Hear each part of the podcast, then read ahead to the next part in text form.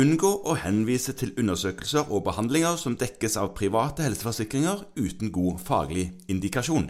Ja. Ja. Må, må vi informere om det?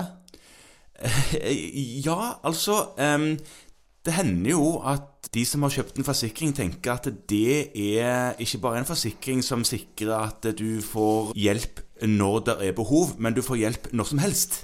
Ja.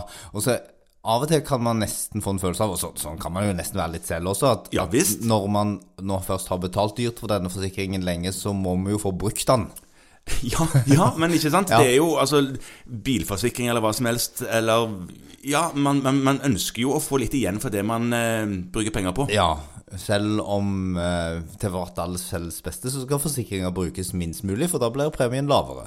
Ja, og og det er jo en uting å måtte bruke en forsikring, for da har det jo skjedd en uønska hendelse. Ja, og nå er du inne på det. Fordi Ok. at disse forsikringene som stadig flere har, enten fordi de har tegna de selv eller via jobben, Ja, der er det en grunn til, vet du. En grunn til, ja. Det er en grunn til at legen skal skrive en henvisning. At de ikke bare kan dukke opp selv. Ja. Ja. ja.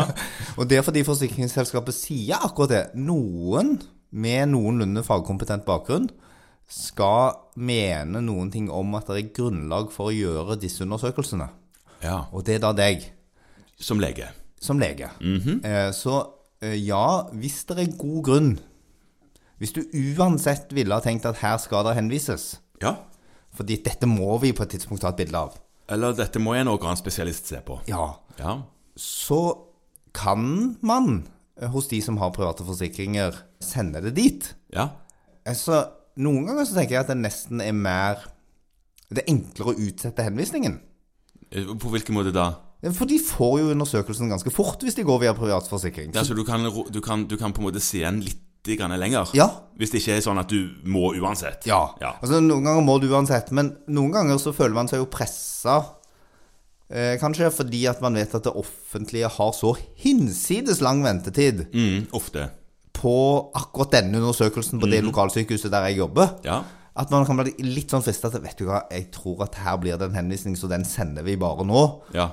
Fordi ellers så blir det så lang ventetid. Ja, ja, det Eh, kan eh, s- Vi er jo noen rare mennesker som blir styrt litt sånn av følelser. Ja. ja, ja. Eh, Men i hvert fall så er det sånn at har de en privatforsikring, så er det akkurat de samme cutoffene. ja all, all, de samme reglene gjelder selv om du har en helseforsikring? Ja. ja. Så er det sånn at det kneet aldri skal opereres uansett åkke som. Nei, så er det kanskje ikke nødvendig å vite akkurat graden av eh, slitasje i det kneet. Nei, Nei. det er nok ikke det. Nei. Og da skal man ikke henvise, og da skal man prøve, eh, eller da skal man oppfordre til konservativ behandling akkurat sånn som man ville ha gjort, Mm. om de ikke hadde forsikring.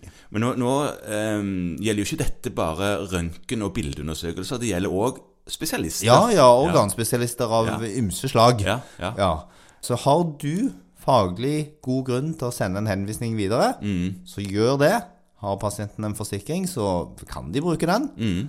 Eh, Men det at de har forsikringen, skal jo i utgangspunktet ikke være styrende for at du henviser, i hvert fall ikke oftere. Nei, og du kan like mye eh, om den aktuelle sykdommen uavhengig av hvilken type forsikring pasienten måtte ha. La oss håpe det. Ja.